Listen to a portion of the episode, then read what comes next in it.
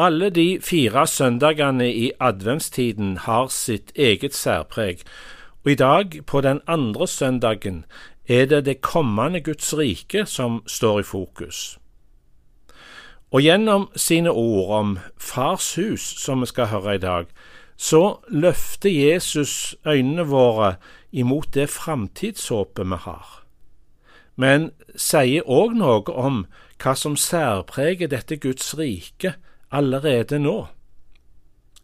Guds rike skal vi få oppleve en gang i framtida i sin fullkommenhet, men det er synlig allerede i vår verden.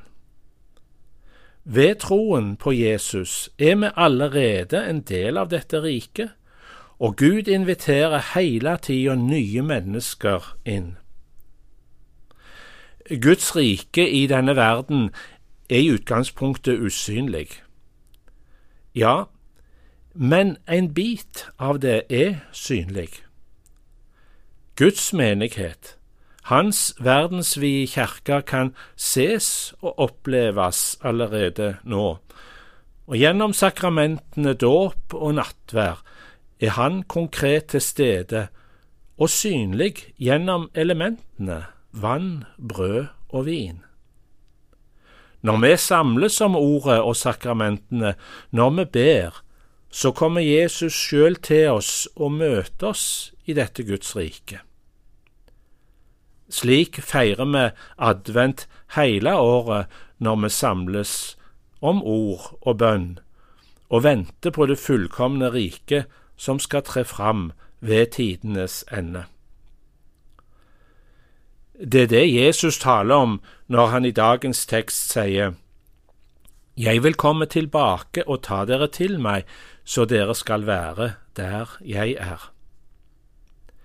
Slik blir vi òg i adventstida minnet om at han ikke bare kom inn i historien én gang, han kom inn i tid og rom for 2000 år siden, men han skal komme igjen.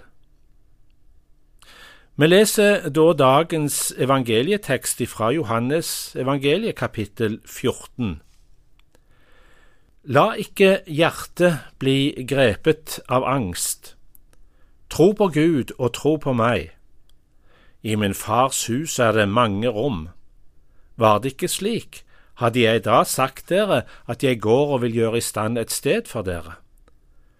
Og når jeg har gått og gjort i stand et sted for dere, vil jeg komme tilbake og ta dere til meg, så dere skal være der jeg er.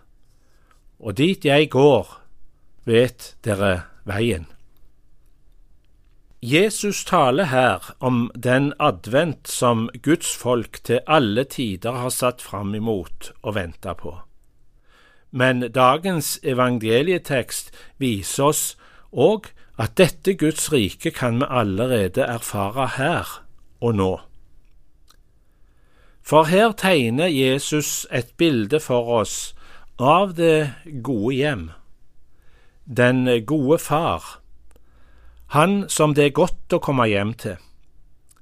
Farshuset er det trygge sted der vi regner med å huske på, der det er et rom for oss, hver enkelt av oss, et rom for meg, for at jeg skal være der han er, i hans nærhet. Bildet av huset blir et bilde av Guds rike med alt det som det inneholder. Og et bilde av noe så konkret som en bygning sier oss noe om hva det vil si å være en kristen. For huset det er ikke et stort, tomt palass med tomme saler der det er gjenlyd og ekko av tomme rom.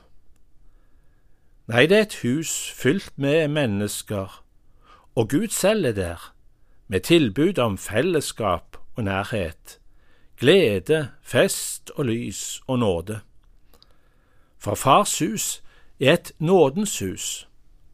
Det forteller Jesus oss om i lignelsen om den bortkomne sønn som vender hjem. Han blir tatt imot av far med åpne armer, med glede. Det er fest, det er tilgivelse, og det er nåde.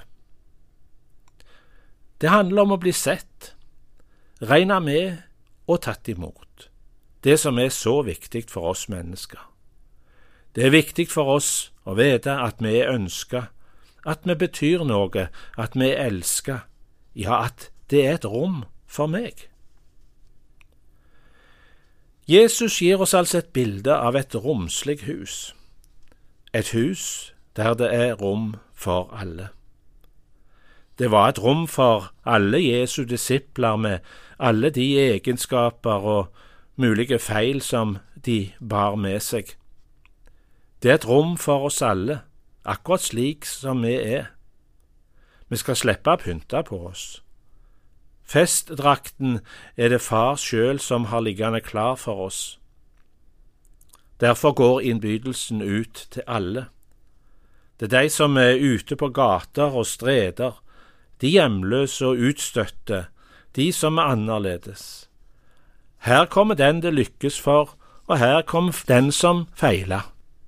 Halt og blind bydes inn, syndere og fromme, sier sangeren. I min fars hus er det mange rom, sier Jesus. Slik må det være i Guds rike, for en tredøra står åpen og innbydelsen er sendt ut i all verden, og det er mange som takker å komme inn. Hadde det vært noen begrensning, hadde det vært fare for fullbooking, så ville det ha vært nødvendig med betingelser. Men eh, da hadde Jesus fortalt oss om det. Var det ikke slik, hadde jeg da sagt dere at jeg går og vil gjøre i stand et sted for dere, sier han, og forteller bare om huset med de mange rom. Det er et rom for deg, fordi du er viktig for Gud, fordi du er elska, ønska og regna med. Men i Guds hus, i Hans hjerte, er det òg rom for det som jeg bærer på akkurat i dag. Det er et rom for min klage. Det er et rom for mine spørsmål, innvendinger og klager og anklager, om jeg måtte ha noe av det både imot Gud og mennesker. Det er et rom for mine følelser, både de jeg kan sette ord på, og de som ikke lar seg beskrive. Mitt sinne, min glede, min redsel og frykt og min angst. Alt dette er det òg et rom for hos Gud, for det er en del av mitt liv. Si det til Gud og legg det av deg. Del det med Han som sier, Kom til meg, alle dere som strever og bærer tunge byrder, og jeg vil gi dere hvile. I møte med ondskapen og mørket i verden, så kan vi så lett bli lamma av ustyrlige og mektige krefter. Hva skal jeg da gjøre, hvor skal jeg gå? Hva skal være min retning? Jo, retningen imot Gud, mot farshuset, der det er et rom for det som jeg bærer på, der det er en som sier Fortell meg om det som opptar deg, det du er redd for, det som griper ditt hjerte, det som er der inne i deg.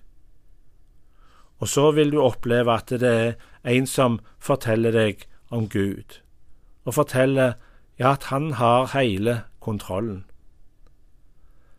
Han forteller om lyset, livet og kjærligheten som skal seire til sist, om håpet, slik at du kan legge vekk håpløsheten. Kom, sett deg her ved sida av meg, sier Gud. Her er din plass, ditt rom, og fortell. Bruk rommet hos Gud. Det vil utdype og forsterke fellesskapet med Gud.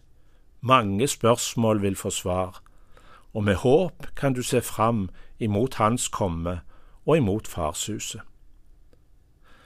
For eh, farshuset er altså ikke bare nå, men det er òg der framme. Rommet hos Gud er nå, men òg der framme. Veien dit går gjennom livet og døden. Dit jeg går, vet dere veien. Hvordan kan vi vite veien? spør disiplene. Vi har ikke vært der, vi kjenner jo ikke plassen som du snakker om. Ja, så gis det ikke noen vanskelig veibeskrivelse, et uforståelig eller hemmelig kart bare for spesielt innvidde. Der kreves ingen religiøse øvelser, ingen betingelser og krav. Vil du finne fram? Følg Han som har levd livet og kjempa mot det onde, som har gått gjennom døden med seier. Følg Jesus. Han rekker ut si hånd og sier, Jeg er veien, sannheten og livet. Det gjelder å følge Han på livets vei fram mot farshuset.